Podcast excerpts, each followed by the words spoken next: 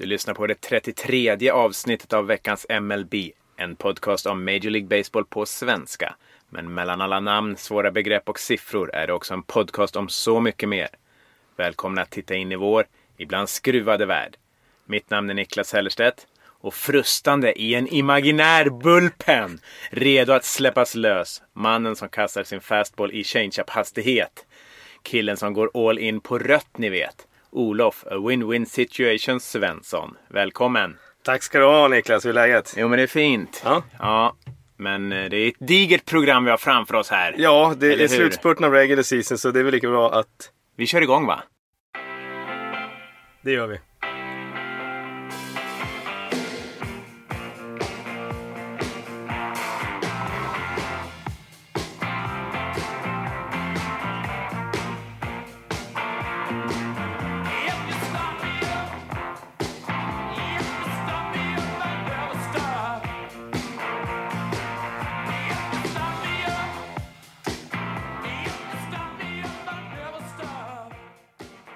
Ja, vi börjar väl som vi har gjort några veckor nu.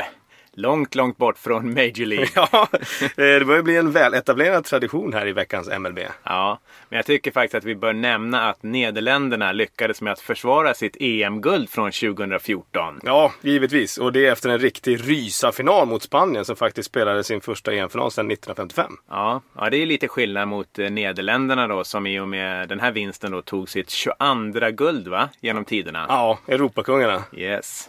Matchen fick lite överraskande avgöras i extra innings till och med. Och som vi berättade i förra veckan så gör man ju så i EM att man i extra innings placerar ut löpare på första och andra bas. I början på varje inning då. Ja, och inte nog med det. Sen startade ju Spanien illa med att kasta en hit by pitch som alltså fyllde upp baserna utan en enda out. Ja, inte sådär jättebra. Om man eh, är spanjor då. Ja, exakt. Eh, Och eh, slagmannen efter, jag tror han hette Urandel de Caster eller något sånt där, gjorde ju processen kort och slog en walk-off RBI-singel. Och så var den turneringen till ända. Vi kan väl lyssna på avgörandet och säga grattis Nederländerna. The 22nd championship for Team Kingdom of the Netherlands is 90 feet away in the person of Deshenko Ricardo. Spain has played a fantastic ball game. No one is going to forget this game. 0-1 to DeCaster. The pitch on the way. Ground ball up the middle, base hit to center field. Deshenko Ricardo scores. Team Kingdom of the Netherlands, the undisputed kings of baseball in Europe. They have won their 22nd European Baseball Championship, and they are out in shallow center field, mobbing each other. Champagne is flying through the air. They're jumping up and down out in shallow center field, and this crowd is going wild. Three to two, the final score. Grattis Nederländerna! Mm, och nu är det troligen för sista gången det här året också dags att säga Hello Sweden! ja, för det blev ju en dubbel till Dalarna här på hemmaplan. Ja, bara buga och bocka där med. Eh, Softballdamerna i Leksand vill inte vara sämre än baseballherrarna utan tog också de hem SM-guld 2016. Ja, ja, det var tuffa matcher mot Skövde men Leksand drog det längsta strået till slut och vann med 3-1 i matcher. Och där fick, eh, även som EM-finalen så fick fjärde matchen där avgöras i extra innings. Ja, eh, och det var faktiskt lite snöpligt på en wild pitch som eh, Leksand bärgade segern. Ja.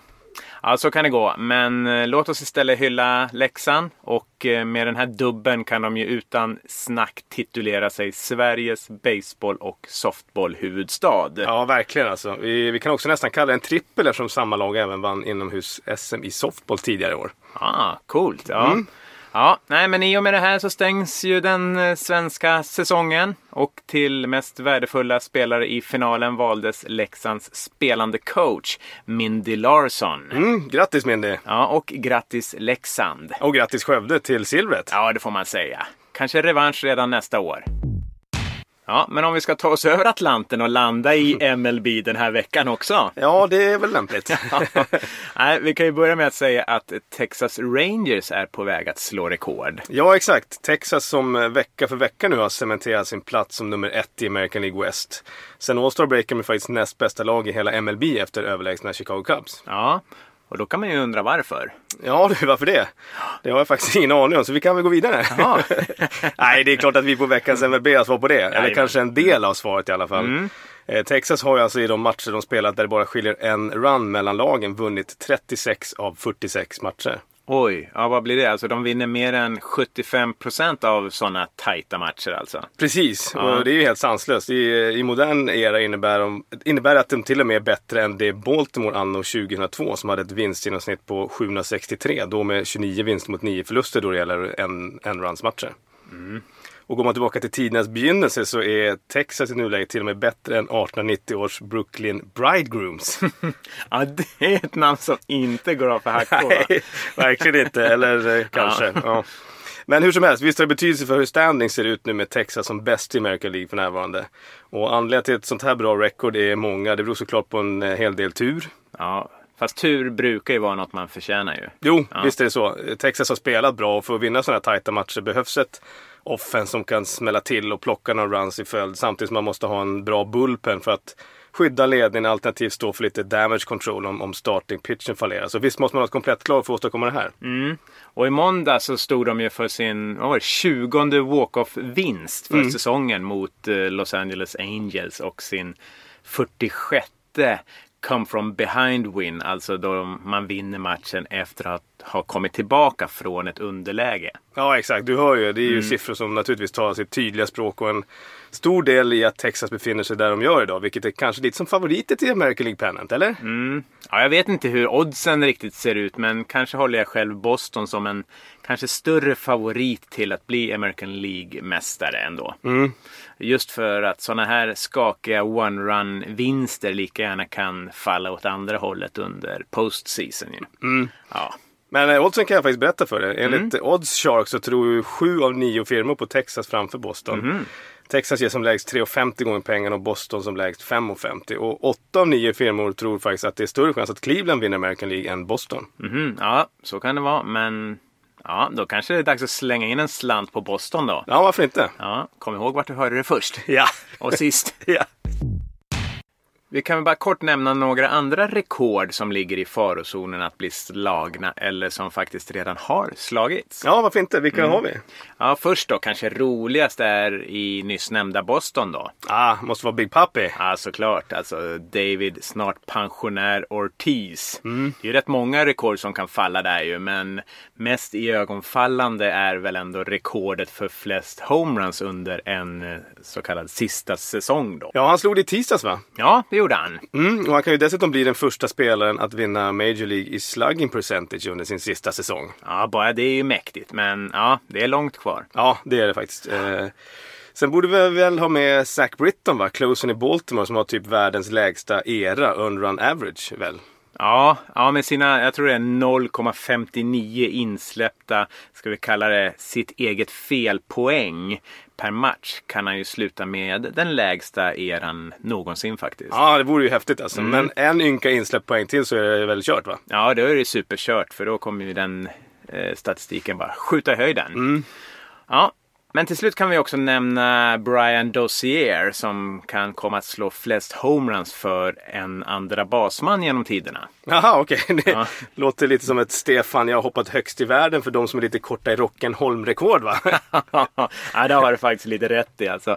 Ja, vad var det? När han hoppade 2,40 inomhus så skilde det 59 centimeter mellan hans egna längd och hur högt han hoppade. Vilket är lika bra som nuvarande innehavaren av det skojrekordet utomhus. Som innehas av Franklin Jacobs va? Men ja, precis. Amerikanen som för eh, 35 år sedan tror jag hoppade 2,32 med en otroligt korta längden 1,73. Ja, exakt. Hur lång är du? Eh, 1,74. Okej, ja, ja. Ja. ja. Du kanske ska ge in i den här höjdhopparbranschen. Ja, blir mannen som hoppar under sin längd. Ja, det är snyggt. Hur som helst är det fortfarande en stark bedrift av Dossier för vilken spelare på vilken position som helst ju. Rekordet för andra basmän är i alla fall 43 och han ligger just nu på 41. Ja, keep on slugging Brian. Yes. Ja, sen fortsätter ju eländet för New York Mets vad gäller sin starting rotation. Ja, stämmer. Sedan innan så hade man ju Matt Harvey. Ja, han är ju borta för säsongen. Ja, Zach Wheeler. Som inte har spelat en enda match på hela säsongen. Och så Steven Matz. Ja, han kommer tillbaka nu i veckan. Ja, stämmer. De tre har man alltså haft på DL Disabled List. Och eh, så i tisdag så kom beskedet att Jacob DeGroom får genomgå season ending surgery på grund av en skada i ulnarnerven tror jag det heter. Mm. Ja, det är en av de här tre stora nerverna i armen som sträcker sig från mitten av nyckelbenet eh, längs insidan av hela armen och hela vägen ner ända ut i lillfingret på så att säga handflatssidan på insidan. Ja, exakt. Så strulet fortsätter för Mets och visst kan man skylla en del av säsongen på de ofantliga problem man har haft med sina starting pitchers. Men säsongen kan ju ändå trots detta bli en framgång. Alltså de är ju ändå i allra högsta grad med och slåss om ett wildcard i National League. Absolut. Men det är klart, det är tråkigt för The Groom som har haft en riktigt bra säsong med en era på 3.04 på sina 24 starter. Och de här problemen började ju i mitten av augusti och eh, ja, tyvärr, de har ju vägrat att ge med sig. Så nu får de förlita sig på halvguden Noah Syndergaard, Bartolo, The Big Sexy Cologne och comebackande Steve Matz. Som ska lägga sig på operationsbordet efter säsongens slut. Då. Mm. Eh, låter som att Mets kanske ska budgetera för mer gips i nästa års budget. Ja, det verkar verkligen behövas. och på tal om nästa säsong och om New York Mets. ja, ryktena blir nu fler och fler. Ihärdigare, Ja, det kan man säga. efterhängsna. Det med. att MLB kommer att anordna matcher på uh, Olympiastadion i London nästa sommar ju. Ja, vi har ju varit inne på det tidigare här i podden och det hade ju såklart varit häftigt och kul för sporten i Europa. Mm. Och ett av eh, lagen det ryktas om är alltså kanske New York Mets. Mm. Ska du dit? Ska du? Om du ska? Jag ska. Ja, jag med. Ja, då har vi blivit lite varma i kläderna och det har blivit dags för uh, Three Strikes You're Out. Äntligen! Ja, där du ställs inför tre val och måste välja ett. Är du redo? Jag är född redo. Ja, det vet jag väl. Shoot! Ja. Den här veckan blir det tyvärr inga dåliga skämt. Inga bra heller. Trist va? Nej, attans maracas. Ja. Men jag tänkte att du skulle få drömma lite.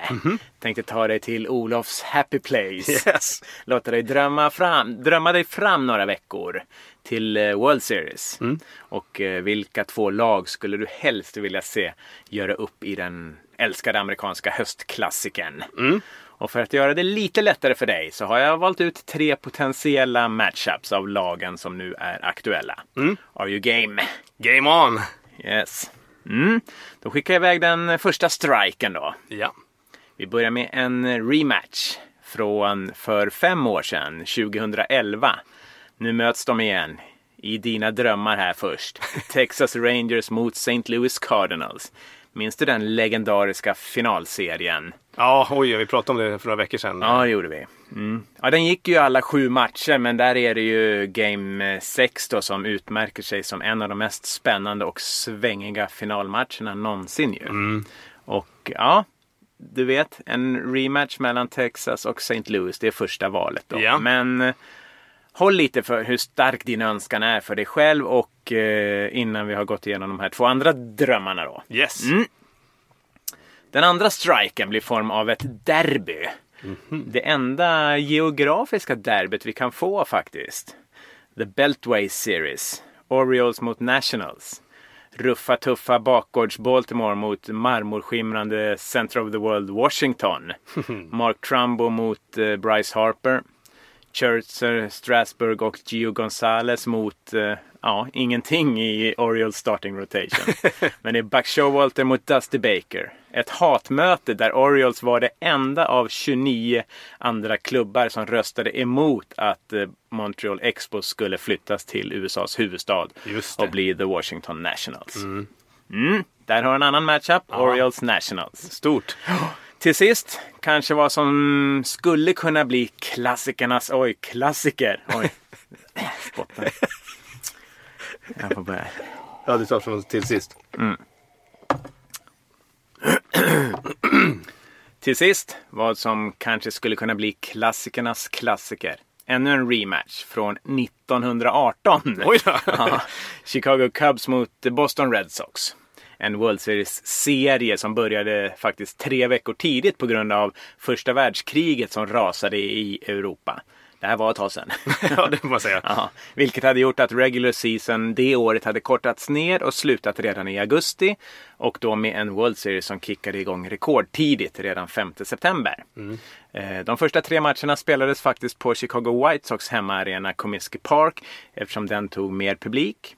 Ja, vad kan man mer säga om den här serien då? Chicago Cubs lyckades stänga ner slagträet hos Babe Ruth, men han var kung på kullen. Med två segrar och en era på 1,06. Oj. Ja, nästan som Zach Britton. Ja. var han en stor anledning till att Boston Red Sox vann eh, efter ytterligare tre matcher hemma på Fenway Park i Boston. Mm. Ja, det här var som du känner till Bostons sista titel på 86 år och den enda gången de här lagen har mötts under postseason. Du vet ju också att Cubs inte har vunnit sedan 1908. Så ja, din dröm i korthet. Cubs mot Red Sox. För första gången ever i oktober alltså. Det är lite murgröna mot The Green Monster. Ja. Alright, för att summera. 1. Texas försök till revansch mot St. Louis. 2. Ett huvudstadsderby. Eller 3. En eh, World Series långt bort från moderna arenor måste man ju säga. Cubs mot Red Sox. Vad säger du? Vilken Oj, vill oj. du helst se? Det är svårt De här alltså. tre valen. Ja, men det står ju mellan andra och tredje valet. Alltså, Okej. Som du byggde upp det lät ju The Beltway Series väldigt spännande. Mm. Men eh, visst vore det kul att se de två förbannelselagen mötas igen. Framförallt eftersom eh, Cubs inte har vunnit på så länge. Så att det får bli nummer tre, utan tvekan. Okej, Cubs Red Sox. Yes. Murgrönan mot Green Monster. That's umpire throws you out. You cheated and you lied, you were never satisfied. You made three strikes and now you're out.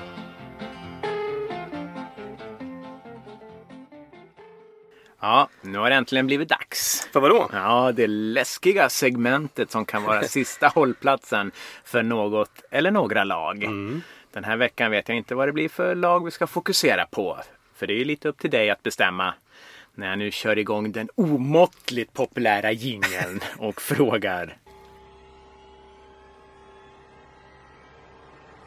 Vem ska dö idag då? Ja, det är ju segmentet formerly known as the playoff picture. Där du iklär dig rollen som liemannen i batters box och har all rätt att avliva ett eller flera lags slutspelsförhoppningar. Ja, rakt av. Bara tjoff! Ja. Så vad har vi idag? Vi kan väl nästan säga att alla divisionssegrare är klara nu va? Jo, men så är det väl. Mm. Även fast det bara är en division där samtliga jagande är matematiskt borta från titeln. Mm, där övriga lag i divisionen har ett E i sin E-kolumn. Precis. Och det är ju naturligtvis National League Central vi pratar om där Chicago Cubs bortsett från en kortare svacka har gått som tåget under säsongen. Eh, närmast att clincha. Alltså matematiskt utesluta de andra lagen i divisionen. Exakt. Eh, Texas och Washington medan Cleveland, Los Angeles Dodgers och Boston inte riktigt kan ta på sig skidglasögonen och poppa jumboskumpan. Nej, men det dröjer inte länge till va? Nej, som vi var inne på förra veckan så minskar ju elimination number med två när laget som jagar förlorar och laget som jagas vinner. Eh, för Cleveland och Los Angeles Dodgers är det fem och för Boston sex. Så vi vågar sticka ut hakan och eh, spika divisionstitlarna ändå, eller? Ja men det gör vi och eh, säger grattis till Boston, Cleveland, Texas, Washington, Chicago Cubs och Los Angeles Dodgers. Även om lagen får vänta kan väl vi poppa jumbo-pommac i alla fall? Ja, go ahead! Yes. Ja, men det satt fint. Ja, Ja, men om vi då går från divisionsvinnarna då till wildcard-platserna. Verkar det nästan som att ingen riktigt vill ta kommandot och ta tag om de här platserna ju. nej verkligen inte alltså. Om vi börjar i American League så står det mellan Toronto, Baltimore samt Houston och Detroit. De två sista lagen som hänger med trots att de gått under 500 i september. Mm, alltså förlorat mer än de har vunnit. Exakt. Eh, Detroit är i dagsläget en match bakom den andra wildcard-platsen och möter i tur och ordning ett i princip avsågat Kansas City som de är 6-10 mot under säsongen och ett Cleveland som de är 1-11 mot. Och som dessutom i teorin kan vara klart när de möts i fyra matcher. Men som i allra högsta grad är med och fightas om att få ha hemmaplansfördel genom hela slutspelet. Eller så långt som de går ju. Precis. Så det blir nog inte bara att ställa in handsken för Detroit i den serien. Eh, Detroit som sen avslutar säsongen mot Atlanta där man har 12-5 då mot National League i de interleague-matcher man har spelat. Eh, I tre matcher då mot Atlanta. Houston då i sin tur möter ju stryklaget Los Angeles Angels i hela sju av sina sista tio matcher. Ett Angels som de är 11-1 mot hittills i år. Okej. Mm. Och Angels är dessutom tillsammans med Torontos sämsta lag i hela MLB under september. Så Houston har definitivt ett övertag gentemot Detroit. Sen i och med att American League East är så jämn där fyra av fem lag fortfarande har något att spela för. Ja, eller tre va? Eftersom du har ju begravt New York Yankees. Ja. Eh, Det gäller fortfarande, eller? Jo, men så är det. Ja. Eh, Men det hindrar nog inte att de kommer att slåss till the end och göra det tufft för andra lag i sin egen division. Det här betyder då att Toronto i sina tio sista matcher möter just Yankees, Baltimore och Boston som de förvisso är 26-21 mot. Då. Eh, Men Toronto följer tungt i natten mot torsdag mot Seattle i extra innings. Baltimore har betydligt enklare med ett eh, mediokert Arizona i fyra matcher. Eh, där Baltimore är 11-6 mot National League. Eh, innan man möter Toronto och Yankees i de avslutande sex. Okej. Så det här gynnar alltså Detroit och Houston menar du?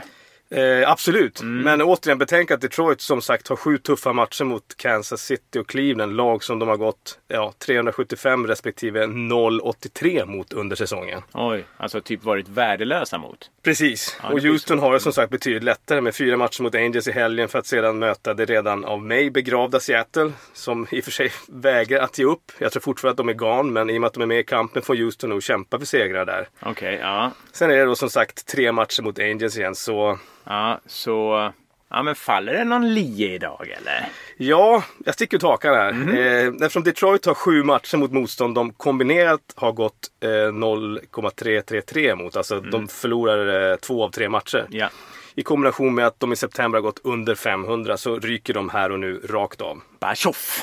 Mm.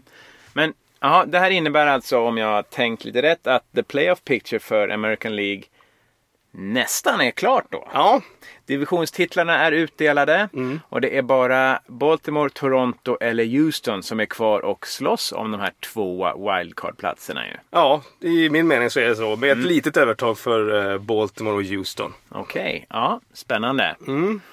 Om vi går över till National League då och tittar på wildcarden där. Där står det ju också mellan tre lag va? Eller tre lag som vägrar att ge upp och eh, eller egentligen tre lag som vägrar att vara speciellt bra just nu. Ja, precis så är det ju. Eh, och San Francisco som ett av lagen då förlorade i helgen den viktiga matchen mot det andra laget som var St. Louis. Vi pratade om det förra avsnittet. Eh, de förlorade med 2-1. Vilket gjorde att St. Louis knappade in inför den här veckan då. Och eh, i de tre matcherna som har varit fram till och med att det här spelas in så har de tre lagen sammanlagt tre vinster och sex förluster. Och att eh, San Francisco bara tar en av tre matcher borta mot Dodgers, det kan man ju förstå. Men att Mets lyckas med konststycket att bli svepta hemma av, av MLBs näst sämsta lag Atlanta, det är inget annat än... Ja, det är väldigt, väldigt galet va? Ja, Ja. galet är nog det enda ord som finns som passar sig i en podd. Ja. Eh, så Mets, San Francisco och St. Louis ligger alltså lika med 80 vinster och 72 förluster var. Mm. Och det är de tre lagen det står mellan Ja, såklart. precis. Stenhårt är ju faktiskt bara förnamnet. Mm. Men om vi blickar framåt då, hur ser det ut här framöver? Ja, Giants har ju fyra matcher mot San Diego Padres då, som de är 9-6 mot tidigare under säsongen. Och sen så har de fyra matcher mot Colorado där de har gått 8-8 innan de avslutar med två matcher hemma mot eh, Dodgers. Eh, Mets har det lite lättare. De har ju sju matcher mot ett redan avsågat Philadelphia som de förvisso är 7-5 mot. Ja, Och så sen tre matcher mot Miami som de är 10-6 mot. okej. St. Louis har ju tre matcher mot ett redan klart Chicago Cubs. De, de vinner hälften av matcherna var. Eh, och Cubs kanske börjar vila folk inför långa tuffa slutspelsserier. Vi använder väl plural va? Ja, det gör vi. Men jag tror nog att de, precis som vi sa om Cleveland där, vill försäkra sig om att spela hem en hemmaplansfördel som ju tillfaller det lag som har flest vinster under säsongen. Ja. I en eventuell National League Championship Series då. Innan de börjar vila folk och eh, dansa runt för mycket i det här eh, nybyggda diskorummet som de har där bakom i omklädningsrummet. Ja. Ja, kanske. Ja. Sen avslutar St. Louis med fyra matcher mot Cincinnati som de är 8-7 mot och tre matcher mot Pittsburgh som de är 7-9 mot. Mm, Okej. Ja, men innan vi summerar National League så ska vi inte titta lite närmare på det här förunderliga San Francisco Giants. Som, ja, som du nämnde då, förlorade matchserien mot St. Louis Cardinals i helgen och som har en väldigt konstig säsong på många sätt. Alltså, de började ju helt otroligt bra i första halvan av säsongen och vid All-Star Break i början av juli hade de bäst statistik i hela Major League med 57 segrar och bara 33 förluster. Och sen dess, ja, inte sådär särskilt bra alltså. Då har de haft 24 segrar mot hela 38 förluster. Oj. Ja, det är historiskt dåligt. Och eh, vad som såg som ett gjutet slutspelslag är nu ordentligt skakat skulle jag vilja säga.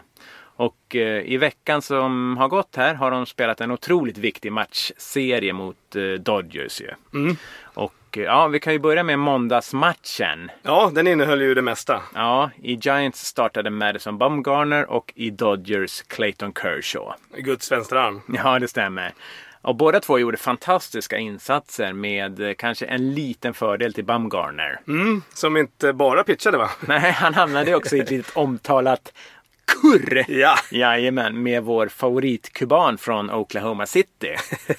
Nummer 66, Yasil Puig ja. Jajamän. Avbytarbänkarna och bullpen tömdes snabbt på spelare och inom några sekunder hade vi 70 mer eller mindre pinsamma män som stod och smågruffade på varandra inne på planen. Ja. Ja, och varför då kan man ju undra. Ja, vi kan väl lyssna på vad, vad det var som utlöste det hela och eh, vi låter Dodgers fantastiska kommentator Win Scully läsa på läpparna. Was furious, and we're wondering why.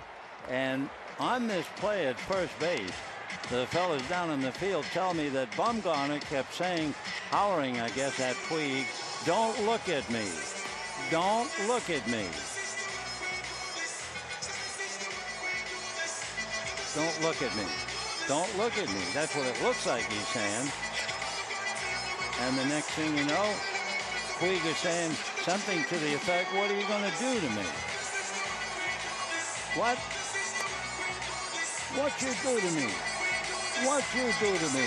So one saying what you do to me and the other saying don't look at me. First number nine, Brandon. Okay. Ja, de där två är ju inte bästa vänner och eh, jag tror att det handlar om något bråk som hände redan 2014 va? Eller var det några bråk till och med? Ja, jag tror det hela startade i maj det året med att Puig gjorde en ganska spektakulär batflip efter en homerun mot just Bumgarner. Och eh, sen fortsatte det här och samma höst så gav Bumgarner igen och kastade en hit by pitch på Puig. Eh, och eh, sen dess har det hela tiden handlat om att Bumgarner inte vill att Puig ska stirra på, på Bumgarner. Han upprepar bara så här Don't look at me! Don't look at me flera gånger som du hörde i klippet innan då. Ja, och Puig tittar ju såklart. Ja, det är självklart alltså. Svårare så är det inte. Och gruffet är igång. Ja, såklart. Uh, ja. Men jag antar att vi snackar om en historia som bara väntar på uh, to be continued. Ja, det lär den göra. En, Ja. eh, en historia som däremot inte kommer fortsätta är Nej. eh, Vin Scullis som vi just, Just hörde. Mm. Han pensionerar sig den 2 oktober och kommer inte att kommentera Dodgers under postseason. Mm. Tänk att han började vara Dodgers röst redan 1950 när de fortfarande var The Brooklyn Dodgers. Ja, otroligt alltså. 88 år och underhållande ända in i slutet alltså. Han kommer vara saknad. Absolut. Mm. Om vi backar tillbaka till det här lilla bråket då ska ju biljettförsäljningen ha skjutit i höjden inför resten av matcherna i serien.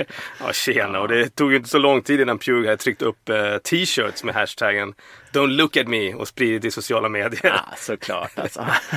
ja, men ja, mest intressant i den här matchen var ju det som hände i nionde inningen. Sportsligt menar du? Ja, ja precis. Ja, som har hänt så många gånger tidigare i år för stackars Giants. Ja, återigen förlust i nionde inningen. Mm. Och vad är det nu alltså? Är det nionde förlusten under säsongen för laget när man haft ledningen inför den sista inningen? Ja, det är grymt tungt alltså. Och, eh, ja, poddbekantingen och Giants-supporten Erik, han skickade ett uppgivet meddelande med en tung statistisk insikt till mig här, ja om det var igår morse eller någonting. Alltså när San Francisco leder inför den nionde inningen har de under de senaste nio gångerna eh, det har varit fallet då lyckats förlora fem av dessa. Oj. Ja, och bara lyckats vinna fyra då. Det är ju, ja. Ja, det är otroligt. I ett läge där man väl egentligen ska vinna nio av nio. Ja, alltså Giants Bulpen kan nog inte kallas för nionde kompaniet i alla fall. Nej, herregud vad skakar jag med. Alltså, Ja. Giants-coachen Bruce Bochy har nog gjort eh, av med en årsförbrukning Losec bara senaste veckan. ja, minst. Och i tisdags möttes de igen va? Då var det dags för Dodgers journeyman Rich Hill att möta Johnny Cueto. Ja, det stämmer och där släpptes det inte heller särskilt många poäng. Alltså. Båda två blev dock utbytta ganska tidigt. Jag tror att Cueto räckte längst. Han räckte in i sjätte inningen tror jag. Mm, visst skadade han sig lite i benet va? Ja, han haltade ut och jag vet faktiskt inte exakt hur läget är där. Men ja. Giants ledde med 2-0 inför botten av den nionde inningen och alla väntade då på vem Bruce, ja, Mr. Lusek Bochy då skulle välja som closing pitch i den nionde inningen. Ja, och valet föll på Sergio Romo va? Ja, och han klarades faktiskt riktigt bra. Jag trodde nästan att han skulle chicka ur där, men ja, tre raka outs. Alltså. Ja, det är starkt med tanke på den senaste tidens statistik. Ja, han lär få förnyat förtroende, Romo. Ja, i den tredje och avslutande matchen i torsdags morse visade Dodgers var skåpet skulle stå. Eh, San Francisco Giants använde sig av Matt Moore, Matt Kane och Jake Peavy på kullen. Ja, de måste nog ljuga om att de är pitchers faktiskt, för herregud vad dåliga de var. Ja. Ja, det blev en ordentlig kross till slut där, så nu är ju Dodgers som sagt väldigt nära att säkra divisionstiteln där. Eh, ja, ska vi ta och summera upp slutspelsbilden då? Vad har vi där egentligen? Ja, du, man kan väl säga så här att baseball är en förunderlig sport. Eh, inför den här veckan hade New York Mets alltså två matcher ner till närmast jagande St. Louis på tredje plats i racet om två wildcards och skulle möta ligans näst sämsta lag hemma på City Field i tre matcher.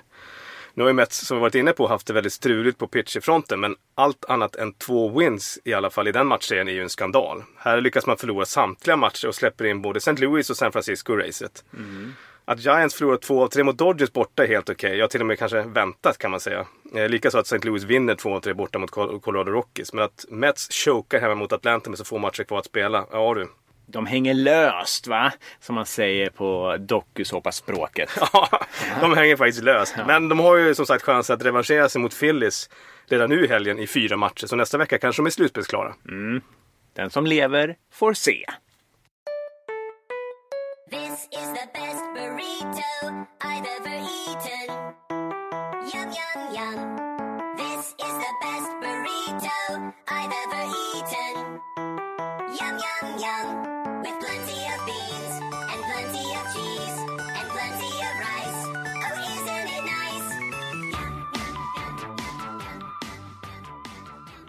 Jaha, då var det dags igen för lite käk. Ja, jag är grymt spänd på vad det här kan bli för du flaggade ju lite innan vi började spela in här att idag är det dags för något riktigt extra. Ja, men visst är det så. Den här gången blir det något som funkar både som frukost, lunch och middag. Gemellipasta. Nej, inte riktigt. Men håll i hatten nu. Buttermilk ricotta pancakes with maple candied bacon plus scrambled eggs. Hur låter det? Oj, det lät ju inte helt fel, men ja, middag vet jag inte, men Jo, för sjutton. jaha. Om man då börjar med baconen så sätter man ugnen på 180 grader. Släng på aluminiumfolie på en kantad plåt och toppa med ett galler så allt baconfett kan rinna av. Eh, och sen så blandar man i en skål sen två matskedar lönnsirap och sen en fjärdedels kopp farinsocker. Hur mycket är en kopp egentligen? Jo, det ska jag berätta för. Det är ett mått som används mestadels i USA och Liberia faktiskt. Va? jo, det är sant. Okej, all right. Och som i deciliter innebär ungefär 2,4 deciliter. Jaha, så till baconet snackar vi alltså ungefär, vad blir det, 0,6 deciliter farinsocker då? Correct the mundo. Eh, sen har vi, tar vi ett kryddmått cayennepeppar och så lite salt och peppar. Och sen tossar man runt då cirka 250 gram bacon i skålen och ser till att all bacon blir täckt. Släng på plåten in i ugnen i 20-25 minuter. Och tänk på att eh, den här eh, baconen ser ju brändare ut än den är. På grund av socker. Så man får inte bli skrajsen utan låta den stå tiden ut. Okej. Och så under tiden baconen är i ugnen så börjar man med pannkakorna och då separerar man två äggvitor från gulorna. Vispar de här äggvitorna till hårt skum. Under tiden så har du blandat eh, äggulor, tre fjärdedels cup Som buttermilk. man, som man säger i Liberia. Precis! Ja. Eh, Hittar man inte eh, buttermilk eh, så kan man ersätta det med lättfil eller standardmjölk också bra. Men då får man inte det här syrliga man får av kärnmjölken. Får jag bryta in här? lite? Absolut, shoot! Mm. Alltså buttermilk eller kärnmjölk kan man faktiskt göra själv. Testa att hälla i knappt en halv matsked vinäger i en deciliter mjölk och låt stå en stund. Okej, grymt tips. Yes. Eh, fortsätt blanda i en kapp ricotta. Hur mycket Som man är det? säger i Liberia. Precis. Hur mycket är det då? Ja du, 2,4 deciliter va? Exakt, bang on target pal. Ja. Eh, två teskedar vaniljsocker. Släng sedan i en kapp mjöl. En halv tesked bakpulver. Och en tesked fa- farinsocker och ett kryddmått salt. Rör ihop allt försiktigt och sen så ska man också försiktigt röra ner den vispade äggvitan som ska stå för fluffet. Eh, stek på pannkakorna första sidan tills det börjar bubbla på ytan. Vänd sen och stek ytterligare en minut. Sen är det dags för äggen och det är här alltså äggröra på spenat, soltorkade tomater och getost. Aj, aj, aj. Blanda ihop sex ägg i en bunke tillsammans med salt och peppar. Eh, på med pannan, släng ner det här och rör om tills det börjar stelna lite grann. Då slänger man ner ja, spenat, skivade soltorkade tomater och smulad getost. Allt efter behag kan vi säga. Ingen oregano. Ingen oregano, Nej. det är förbjudet. Förbjudet. Eh, servera sen äggen i små skålar, lägg upp pannkakorna, ringla över lönnsirap, släng på en rejäl klick smör och toppa med baconen. Ja, då vet jag vad det blir till frukost imorgon. Ja, eller lunch. Eller middag hemma hos dig. Ja, varför inte? Och vad dricker man till det här då? En iskall flaska Budweiser. Passar det verkligen? Vad tror du? King of beers.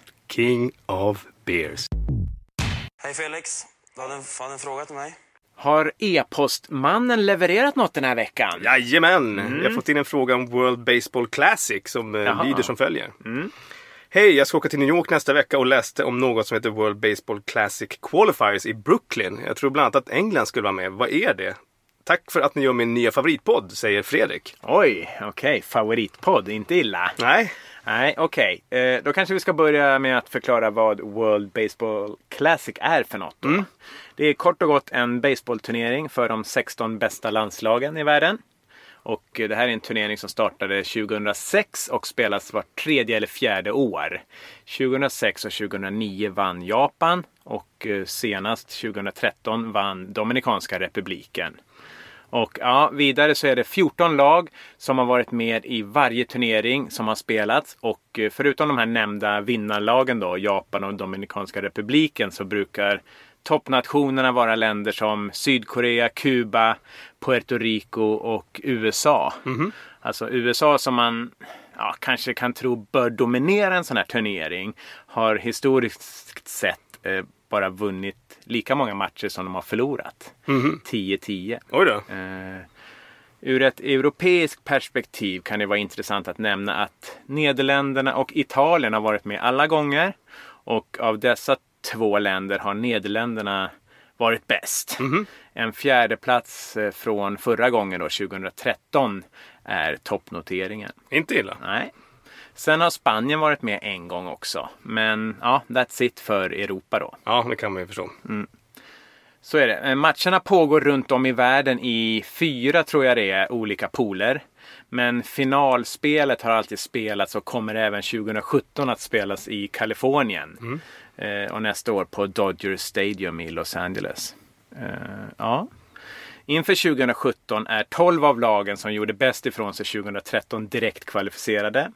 Och till detta då ska fyra kvallag läggas till.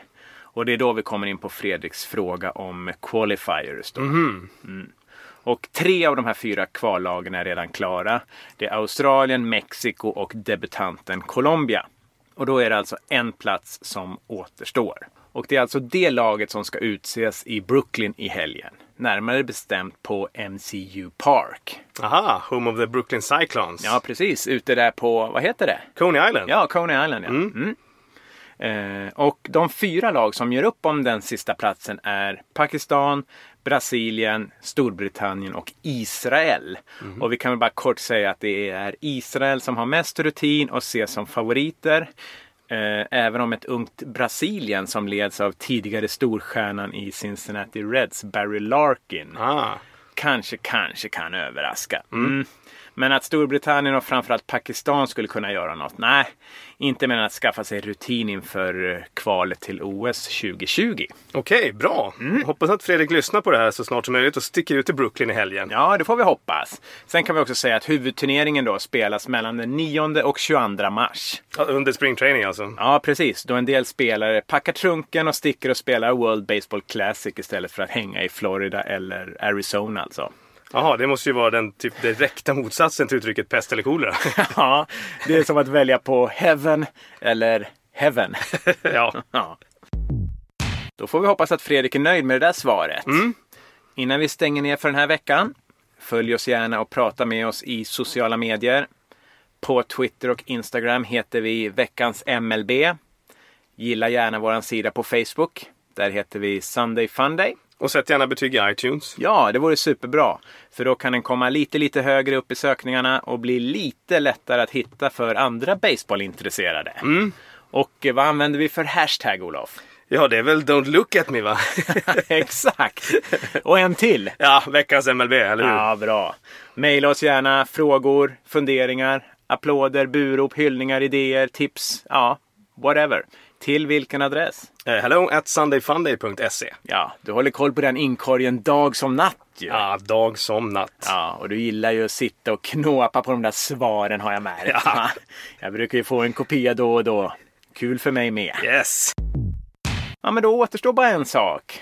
Om inte du har något att tillägga? Nej, det ska bli spännande att se hur eh, slutspelsracet, eller vägen till slutspel, hur det racet går nu sista, ja vad är det nu, 12-13 omgångarna. Ja, det är väl tio dagar för att vara exakt nästan kvar Ja, va? precis. Ja, spännande. Nej, men då avrundar vi veckans avsnitt. Mm. Som vanligt med lite musik. Och den här veckan blir det inte bara dubbelbottnat utan till och med trippelbottnat. Oj då, jag säger du det som en riktigt, riktigt bra pizza alltså. Ja, så är det. Ja, den här låten, dels är det från gruppen som du hade som husgudar när vi lärde känna varandra för snart 30 år sedan. Aha, vad då hade? Ah, okej då. Från gruppen som du har som husgudar. Yes. Ja, och jag vill också passa på att gratulera Texas Rangers som nu är riktigt nära att vara klara för postseason. Och framförallt rikta ett, ja, ska säga ett grattis till Carlos Beltran som ju drog vinstlotten när han tradades från Yankees till just slutspelsklara kan man säga Rangers innan trading deadline. Ja, om man inte vill avsluta säsongen tidigt och spela golf istället. Ja, det är sant. Då är ju postseason en riktig nitlott. ja, men men. Det här är hur som helst hans walk-up song innan han går upp och slår alltså. Och för det tredje är det också det tredje argumentet för varför jag har valt den här låten den här veckan. En liten hälsning till Madison Bumgarner. Låten handlar om det tuffa livet i Los Angeles. Där man lätt kan åka på en käftsmäll eller två om man inte passar sig. Hashtag don't look at me. Just det. Du vet åt vilket håll vi ska åka va? Jajamän, mot djungeln. Exakt. Välkommen. Då åker vi från Dodger Stadium, downtown LA mot enkelriktat i Beverly Hills. Rakt in i de tuffa områdena där det är obligatoriskt med bandana och vild blick. Och låter Guns N' Roses med Welcome to the Jungle ta oss in i helgen. Chipparella på er. Ciao!